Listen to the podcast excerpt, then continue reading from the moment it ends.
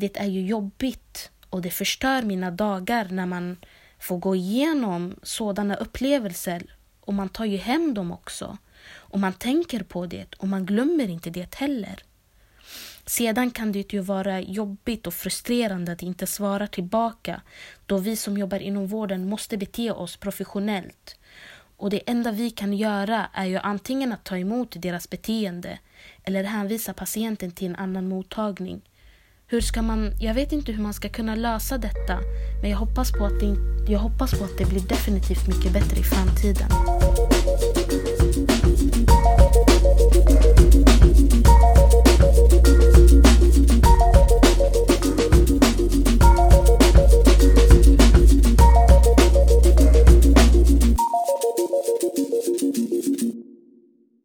Välkomna till eh, Specialistpodden, eh, episod 7, där vi ska prata om rasism inom vården. Mm. Eh, Ferhat Baysal heter jag. Och jag heter Anhit Amirpour och vi är båda anestesisjuksköterskor och jobbar på, på sjukhus och inom ambulansen. Det här ämnet är lite annorlunda för oss för att tidigare avsnitt har ju liksom handlat om olika sjukdomstillstånd som eh, många drabbas av. Eh, man kan ju tycka att rasism är ett sjukdomstillstånd som drabbar folk också. Ja, men så är det. Eh, och ehm, vi valde väl att välja det här ämnet på grund av ehm, egna erfarenheter och också eh, försöka lyfta fram de eh, upplevelser och berättelser som finns eh, som både patienter och vårdpersonal har varit utsatta för, alltså rasistisk diskriminering. Ja, som ni har ju märkt de senaste tiden också har det mycket kommit ut på media och sociala medier just om det här hur rasism är vanligt inom vården. Ehm, som ni märkte för, något, eh, för ett tag sedan så skrev jag ett inlägg också eh, om när vi två själva har upplevt, liksom, eller fått uppleva rasism inom vårt jobb. Mm. Så det här är något viktigt ämne som vi tycker att vi ska prata om, att det här ska lyftas fram. Och det här bör göras någonting åt, för det här är vanligare än vad man tror. Mm. Ehm, och när vi skrev ett inlägg på vår Facebook-sida så gjorde vi det eh, i samma veva som när SVT Nyheter gjorde en, eh, en stor, ett stort reportage om hundratals läkare i Sverige som blivit utsatta för rasism och påhopp på sitt jobb. Eh, det var ett samarbete som SVT hade gjort med Läkarförbundet. Och vi valde liksom att berätta om våra upplevelser också, för det är ju inte bara läkarna som blir utsatta för det här. Vi är ju liksom ett stort team som jobbar Mm. kring patienten. Eh, det är liksom barnmorskor, sjuksköterskor, undersköterskor, specialistsjuksköterskor, eh, sjukgymnaster. Alltså vi är jättemånga som blir drabbade av det. Det är inte bara läkarna. Alla som jobbar inom vården helt enkelt. Ja. Samma sak med de sekreterarna som sitter och skriver, Precis. eh, som man kanske inte träffar så mycket. Även de drabbas ju. Mm. Och eh, på hösten så blev det också en del rapporter om en eh, överläkare på Karolinska Universitetssjukhuset i Stockholm som i över två års tid hade trakasserat eh, sina judiska kollegor och spridit eh, antisemitisk hatpropaganda på sina egna sociala medier. De här judiska läkarna på sjukhuset hade blivit systematiskt utestängda från vissa arbetsuppgifter av den här överläkaren. De här läkarna fick till exempel inte operera eller så strök de läkarna från operationen liksom med väldigt kort varsel. Eh, och det blev, det blev en hel del media kring det här eh, och det ledde till att den här överläkaren som var antisemitisk tog en, eh, en time-out. Det är, helt, eh, det, här, det är så sjukt att... Eh, men vad jag förstod så var det liksom överläkaren själv i samråd med sjukhuset tog timeouten. Mm. Men det är nästan så att man tycker att det där borde kunna bli en uppsägning. Men sen är det klart, de måste ju liksom hålla på och utreda det eh, för att få fram verkligen se vad, vad som hände. Men jag tycker ändå det är så sjukt, vi som jobbar själv på sjukhuset på operationen i alla fall, eh, där vi märker hur, hur sårbart det är när det är någon som blir sjuk. Mm. Eh, och här var det liksom inte det det handlade om, det var mer att de inte fick utföra sin operation utan precis, blev det, omplacerade istället. exakt. Och det är så sjukt när det är, precis som du säger, det är sån arbetsbrist. alltså det behövs ju alla, alltså alla behövs ju för att kunna Mm. genomföra en operation. Och att man bara stryker någon på grund av att den är, att den personen är en jude, det är liksom helt bisarrt. Och det drabbar ju patienten också, så det är inte bara oss, Ja. personalen, utan även eh, patienterna. Ja, och den här läkaren har ju tydligen haft den här jargongen också på jobbet och varit ganska känd för det. Alltså han hade typ kommenterat när de här läkarna hade gått förbi att ja, det där är judegettot som går där. Alltså att använda, så, alltså, alltså använda sådana ord, det är så... Det är så sjukt. Alltså jag Ja. kan Absolut. aldrig föreställa mig. Jag skulle aldrig kunna, alltså jag, jag har inte varit med om det så mycket. Eh, jag har varit med om bara en gång där jag har fått liksom, uppleva det här rasismen mot mig själv. Då. Eh, men just det här med mot patienterna är ju lite så här, man har ju hört mycket. Mm. Men jag har aldrig hört framför mina, vad ska jag säga, framför mig, Mm. så att säga. Vad är det som eh, du minns då? Eller som du kommer på? Du har varit med om? Det jag var med om, då var jag ju sjuksköterskestudent i Sundsvall eh, och praktiserade på en eh, avdelning. Eh, då gick jag med en handel som var redan speciell. Men du vet, alla människor är olika, så man har ju liksom blivit så här, ja ah, men det här är nog som det brukar vara. Det är bara att gilla läget liksom och göra sitt jobb och se till att bli bara godkänd. Men det var något speciellt med den här handledaren och ändå så hade hon på, av någon anledning eh, inte kommit överens med en läkare med invandrarbakgrund. Och hon var ganska upprörd. Och så liksom blev hon jättesur och så vände hon sig mot mig och så sa, sa hon så här, liksom så här bara, ah, sådana som du borde inte vara här. Eller bör inte vara här. Och jag bara liksom, så helt chockad, liksom bara så här, va? Vadå? Mm. Vad menar du? Verkligen. Så jag, just den sekunden reagerade nog ingenting. Jag sa ingenting heller. Och jag var ju ganska tyst av mig den tiden. Jag var ganska blyg kille. Så liksom sa hon det så bara så åh. Ja. Men jag kunde inte sluta tänka på det när jag gick hem. Så då dagen efter gick jag till min huvudhandledare och berättade det här. Att jag känner att jag inte vill gå med. För jag var så rädd att jag skulle bli underkänd bara för att jag var invandrare, alltså hade invandrarbakgrund. Ja, det går. Och det, då ja. tog handledare upp med den här handledaren. Huvudhand, alltså huvudhand, min huvudhandledare tog upp med min handledare. Men då nekade hon det och sa att hon inte hade sagt det.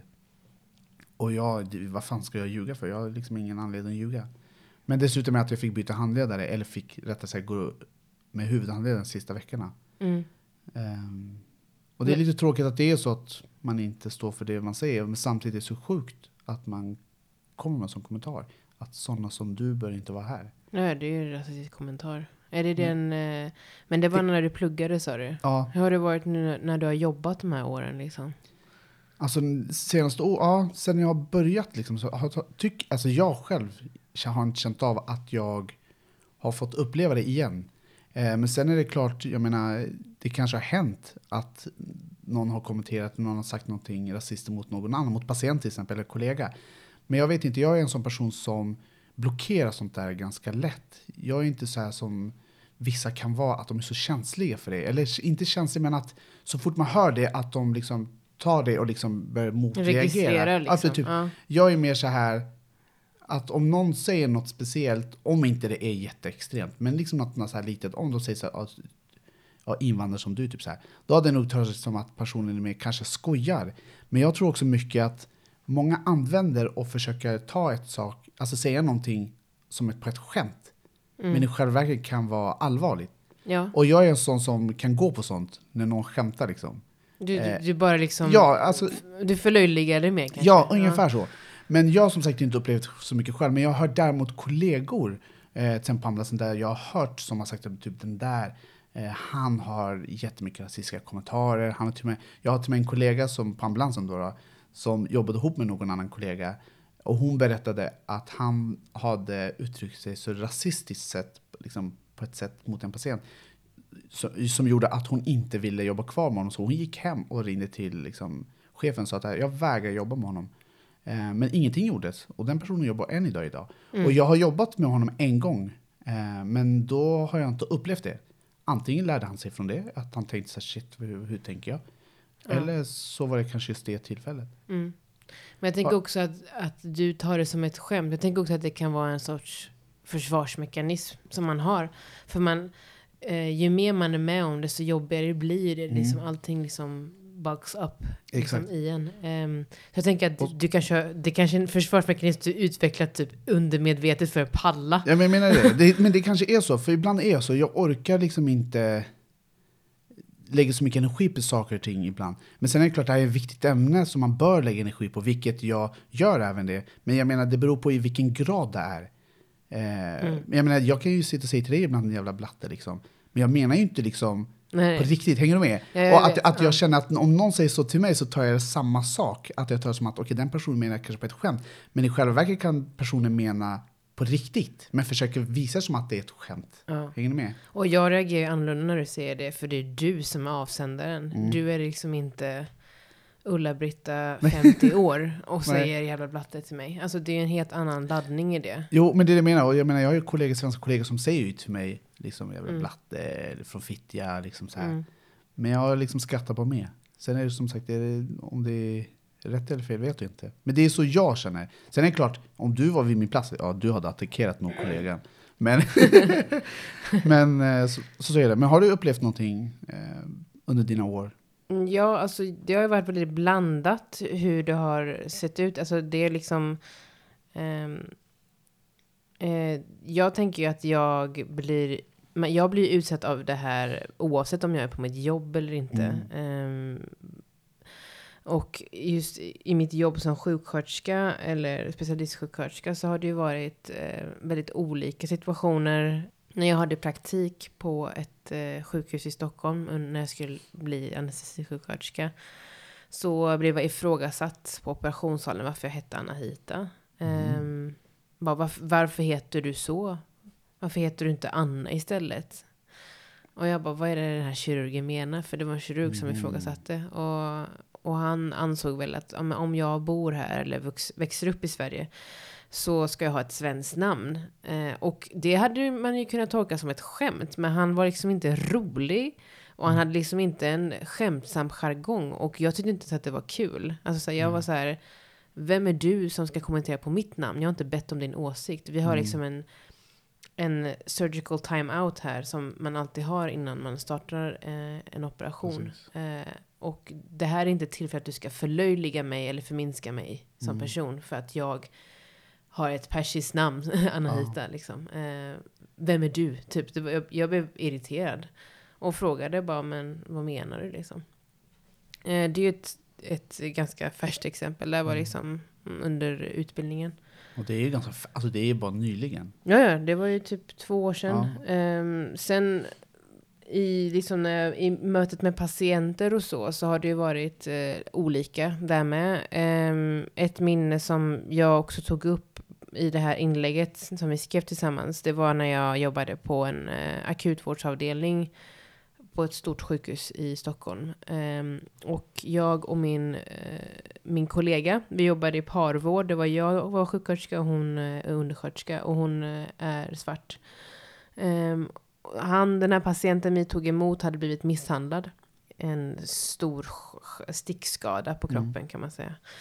I alla fall, eh, han var väldigt sur och arg för att han blivit... Eh, eh, ja, jag vet inte vad han har gjort liksom. Eh, någonting har hänt. De har bråkat i alla fall. Och han, när han skulle beskriva de här eh, gärningsmännen så sa han att de allihop var eh, jävla invandrare och jävla araber. Eh, och var liksom väldigt, väldigt utåtagerande Mm. när han sa det här. Och jag och min kollega liksom stod där och lyssnade på det. Vi bara, vad, vad, vad håller han på med?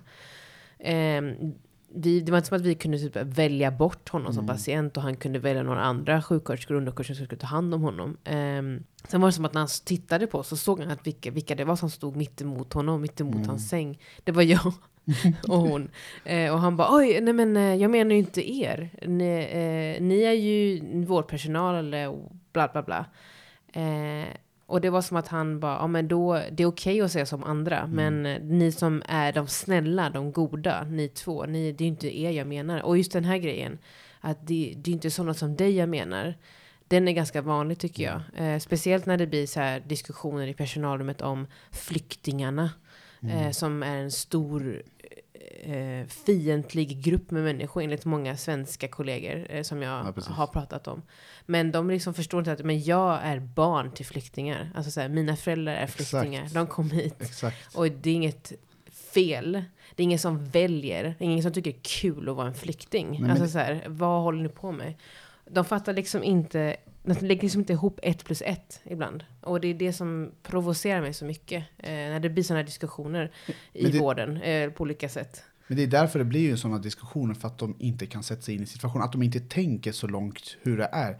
För det är som du säger också, att det liksom, vi är liksom barn till flyktingar. Nu var inte mina föräldrar, de liksom, ja, var inga flyktingar om man säger så. De var mer och kom hit på grund av jobb och så. Men det är som du säger, liksom, att dina föräldrar vad flykting är. Så du är liksom barn till flykting. Och det är ju ganska, alltså man tar ju det på ett annat sätt när man hör sånt kommentarer. Eh, men det är ju, jag tycker också det är allt vanligt man hör. Det är samma sak ute på sociala medier hur folk skriver.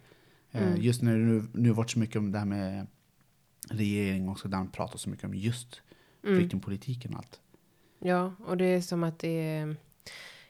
Alltså många, vi är ju många i vården eh, Mm. som är av annan bakgrund. Och jag tror inte att många liksom inser hur många vi är. Alltså så här, det du säger nu, det är liksom oacceptabelt. Det, och även om jag sitter här eller inte. Men det är som att det är som att det, ehm, det blir en annan stämning när man säger ifrån. Alltså, Mm. eh, jag tror att många eh, tycker det är jobbigt när man liksom bara, men vad menar du nu? Eller ifrågasätter när någon säger någonting rasistiskt. Eh, direkt bara, nej, nej, nej, jag menade inte så. Eller, ja, men jag menar ju inte dig. Eller, eh, jag har ju många vänner som är från det här landet. Man bara, men det, Det- spelar ingen Ja, precis. roll. Det hjälper inte. Du kommer liksom. inte undan. Det du Nej. sa är oacceptabelt och du måste stå för det. Och jag måste kunna kritisera dig för det.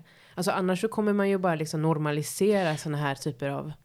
Och det är det som jag menar ju, liksom, det som jag sa tidigare också, vi alla människor är olika och reagerar på olika sätt. Jag menar, du är en sån person som verkligen skulle, inte hoppa på, men verkligen liksom gå rakt på och säga så här, vad menar du? Liksom, försök förklara. Medan jag, jag, nu vet jag inte hur jag ska vara, men jag tror att jag skulle bara sitta där och hellre vara tyst. Ja, men det är så. Än att sätta mig i en diskussion med dem. Just för att jag känner på något sätt att jag orkar inte. Men samtidigt som du säger, vi måste sätta stopp för det här. För annars kommer det här normaliseras och så kommer det väl liksom, det här vara ett liksom vanligt tal. Och fortsätta Och det, här är liksom. ju, och det är inget bra.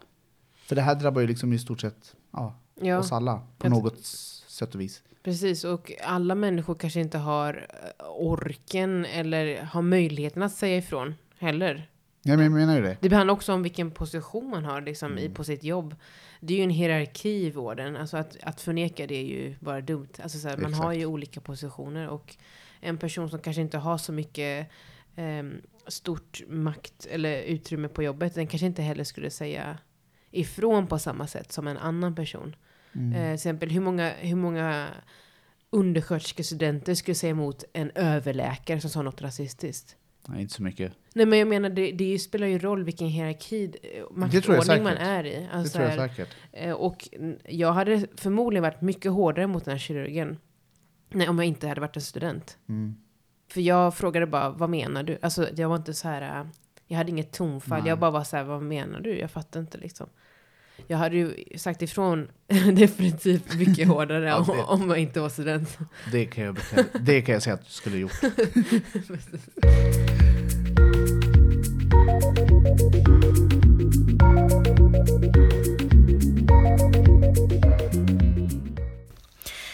Jag har jobbat inom primärvården och det är ju där man ständigt har ett patientbemötande. Och det var liksom då som jag blev utsatt för rasism ett flertal gånger. Många har uttalat sig på ett jättekonstigt sätt gällande slöjan som jag bär på huvudet och kallat det för ett huckle. Och det var flera patienter faktiskt. Och med, de sa det med en nedlåtande ton. Eh, jag kan ju berätta till exempel under sommaren 2017 jobbade jag själv på laboratoriet och då var det en eftermiddag. Och eh, en man kommer in för provtagning som även tidigare har kommit in och betett sig dåligt. Han påpekar med en väldigt hög ton att eh, jag får sticka honom men jag får definitivt inte vidröra honom för att kunna känna på hans kärl. När jag bad patienten att lämna provtagningen på ett snällt sätt för att han beter sig illa skriker han Jävla arab, jag går inte härifrån utan att du tar mina prover. Och så slänger han stolen åt sidan. Självklart blev jag lite rädd då jag var ensam på provtagningen under sommartiden och då har man ju oftast dålig bemanning också.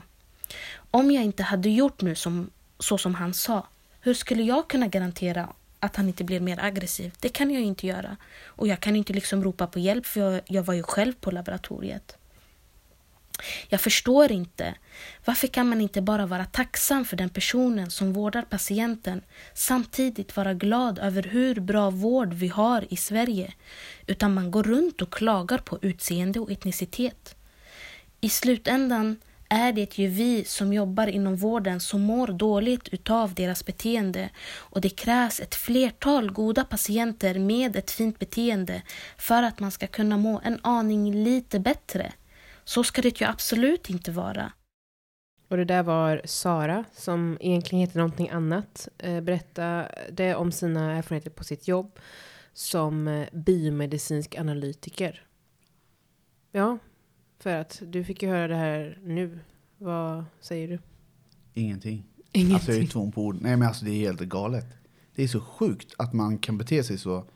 Ehm, och just det här med att en kommentar om att du inte ska röra mig när du ska liksom sticka mig. Man bara, hur tror du Vad- att man ska lyckas? Ska jag göra en dartfil eller? Alltså, så- Ja, men liksom, man tror inte att vi har liksom röntgenögon för att kunna se vart kärlen sitter. herregud. Men att det ska vara så pass liksom. Det, alltså, jag, jag, alltså, jag, jag vet inte vad jag ska säga. Och det här tror jag är ganska vanligt. Just liksom med, med muslimer. Eh, det, eller det är nog vanligt med alla religioner. Men jag tycker så här. Islam har ju blivit så stort. Alltså islamofobin har ökat så otroligt mycket. Eh, där folk har sådana kommentarer. Och det är Mm. tragiskt. Alltså, det är jättetråkigt att höra det här.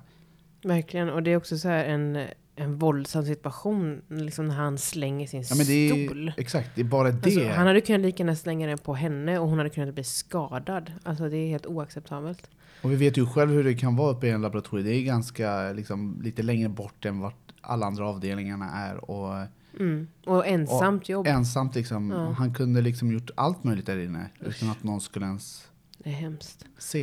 Nej men det är jättetragiskt och, jag, och det är ju hemskt att hon ska ha fått uppleva det här. Mm. Och Mm. jag tänkte också på det när hon berättade om, eh, om hijab, alltså slöjan som hon bär. Mm. Att eh, den eh, blir kallad för huckle. Det har jag hört hur mycket som helst. Har du det? Jag har flera kollegor som eh, kanske beskriver en patient eller en, en annan kollega med hijab. Att eh, ah, är det hon som har den där eh, hucklen? Alltså att de pratar liksom på ett så här lite irriterat och så här nedlåtande sätt. Det var så sjukt när jag hörde det för jag bara, men det här har jag hört under alla år jag har arbetat inom vården. Mm. Men det är så intressant, det där har ju inte jag hört. Det är Nej. så sjukt. Du registrerar kanske inte Nej, det men- sagt. Det är det som är frågan bara, om inte jag registrerar det, alltså att jag inte Mm. lägger så mycket energi på det, eller om det är bara att jag... Eller inte har I, eller ja. att ingen vågar prata med mig om sånt. Men du är också öppen med att du är muslim på Mm. ditt jobb. Ja, precis. För jag har ju föreläst lite om islam och försökt liksom förklara varför till exempel kvinna inte tar en man i hand och liksom förklarat allt för att det ska bli för att man ska fatta det när man väl kommer till en patient Mm. som är så. För jag, när jag träffar liksom en muslimsk par, då kommer jag in och jag försöker visa att okej, nu, alltså försöker få en kontakt på om hon eh, om patienten vill att jag ska ta på henne liksom, när jag ska Mm. ta ett blodtryck och sånt där. Och vissa kanske säger det, men då, jag har varit med om det en gång, liksom, så här, men då säger jag rakt ut så här är det, så här är det, vi måste göra en bedömning för att du ska kunna åka med oss, bla bla. Mm. Att man får förklara det. Eh, men Mm. vissa, då, då tar jag liksom, det är inte så att jag blir irriterad för att personen inte låter mig, utan jag förstår mer för att jag är dels själv muslim men har ganska mycket kunskaper om islam. Eh, men har man inte kunskap så blir det här att man blir så här, ah, men vem fan är du då? Okej, Mm. vill du inte att jag ska ta ett blodtryck, då får du fan mig inte liksom åka med mig. Typ så här. Ja, Istället för att mm. förstå. Mm. Men, Men jag eh, tänker också att i och med att du är öppen med den du är Ja. på ditt jobb, då tänker jag att folk kanske inte heller eh, vill vara öppna med sin islamofobi, eller om de nu har det det framför dig, för att de vet att du skulle säga ifrån, eller jag, vet ja, inte. det är precis, skapa en diskussion där de kanske känner att okej, de skulle inte vinna Ja. Mm, eh, i diskussionen. exakt. Nej, men det är, ja. Men sen är det klart, det alltså, Du syns ju inte på jag det tänkte säga heller, det, precis, det jag syns ju Ja, inte. men På en henne ser man ju, är- liksom, ja. när hon har hijab så ser man ju att hon är muslim och då kan man liksom använda det, eller liksom Ja, ja. ja det, säga det på det sättet. det är ju en helt annan utsatthet en muslimsk kvinna har än en muslimsk man. Exakt. Alltså, och jag menar, många tror att jag liksom ser ut som en chilenare och liksom, chilenare är ju inte muslimer, de är ju liksom kristna eller vad de är. Den 5 mars så anordnar Medrec en gratis jobbmässa på Claren Hotel Sign i Stockholm. Det här är en mässa för alla som jobbar inom vården och man får chansen att få träffa potentiella arbetsgivare och kollegor inom branschen för att undersöka sina karriärmöjligheter. Allt ifrån kommuner och landsting, eller ja, regioner kanske heter nu för tiden, till privata företag kommer vara på plats. Mässan riktar sig till läkare, sjuksköterskor, undersköterskor och studenter inom vården. Vi i Specialistpodden kommer att finnas på plats som utställare och ni kan komma och träffa oss, kanske snacka om podden. Senare på dagen den 5 mars så kommer vi att hålla en diskussionspanel och det vill ni inte missa. Så gå in på Facebook och läs mer om mässan evenemanget. Medrec-mässan 2019 ska du söka på. Och om du föranmäler dig på Medrecs Facebook-evenemang så har du chansen att vinna ett presentkort på Clarion Hotel Sign. Och kom ihåg, det är fri entré så kom! Eh, många har ju en eh, bild av att det inte finns så mycket rasism i Sverige och tycker inte man kan jämföra historien här av att eh, systematiskt utnyttja människor med annan hudfärg som många kolonialmakter har haft, liksom, som Storbritannien. Men hur har svensk vetenskap vad gäller personer med annan ursprung än svensk sett ut? Vad får man lära sig om svensk rasistisk eh, historia, Anita? Ja, um, jag kan ju säga så här. Jag fick lära mig noll i skolan om svensk historia vad gäller eh, det här som vi ska ta upp nu. Ehm, vi kommer att prata om svensk rasbiologi. Har du, fick du lära dig det i skolan? Också noll. Nej. Noll plus noll lika med noll. Det är ju ganska intressant med Mm. tanke på att Sverige var under hela första 1900-talets första hälft ledande nation för rasbiologiska så kallade vetenskapen, vilket inte är vetenskap. Nej. Um, alltså enligt rasbiologin så ans- ansågs människor tillhöra olika raser och de här olika raserna var olika värda. De här rasbiologerna studerade människorna för att hitta skillnader på människor. Ehm, och Sverige var ledande land för inom rasbiologin och den här så kallade forskningen hade också väldigt kont- tät kontakt med tyska nazisterna. Eh, då de också stod bakom den här idén då obviously. Eh, alla som har läst om andra världskriget vet vad vi pratar om. Eh, rasbiolo- rasbiologi går ju ut på att man ska stärka den så kallade vita och nordiska rasen. Och att den här vitiska, vita nordiska rasen ska föda mycket barn och att de som inte är så kallade blodsrena, alltså inte vita eller fattiga personer, de ska inte tillåtas fortplanta sig på grund av att de har så kallade dåliga egenskaper. Eh, syftet var att inom den här rasbiologiska så kallade forskningen hitta orsaker till brottslighet, till alkoholism och till psykiska problem. Och alla människor som de här då forskade på eh, reducerades till enbart sitt utseende. Eh, och det var en hel del läkare med i det här, i rasbiologin. Eh, några av de kändaste var Alfred Petrén och Herman, eh, Herman Lundborg. Eh, Alfred Petrén var den läkaren som fick igenom steriliseringslagen i Sverige. Eh, och då eh, steriliserades de som ansågs vara sinnesslöa eller en del av, som han sa, samhällets slaggprodukter, alltså avfall. Och det innebar att de, de som tvingades sterilisera sig då var oftast fattiga personer, kvinnor och män. Eh, många var tonåringar och unga vuxna. Eh, det var samer eh, och romer och resande folket. Eh, minoritetsgrupper då. Ehm, mm. Förutom att införa de här steriliseringslagarna så undersökte man också eh, olika människor genom att mäta eh, eller se vilken ögon och hårfärg de hade. Man mätte deras skallar och man mätte deras längder med olika redskap. Eh, och den som stod för den delen av eh, den här enorma fotografisamlingen som det sen blev eh, var Herman Lundborg. Han var liksom besatt av samerna och tornedalingar också. Ehm, Lundborg ansåg ju att samer var av lägre stående ras. Ehm, och på de här bilderna som han har tagit och hans kollegor eller vad man fan ska kalla det för. Eh, så står det liksom, det är en bild kanske på en, eh, en av de här kvinnorna eller någon annan där det står så här socialt lågstående kvinna, rasblandad, punkt. På en annan bild står det rasblandad man, kriminell, punkt. Eller på en annan bild kan det stå blandjude, punkt, kriminell, punkt. Och det är så sjukt att man får alltså, anses som kriminell bara för att man har liksom en annan utseende. Mm, exakt. Eh, och eh, det blev ett staten, svenska staten bildade ett rasbiologiskt institut i Uppsala år 1922 för att jobba med den här frågan. Mm. Och den la ner 1958. Så den pågick i 36 år. Mm.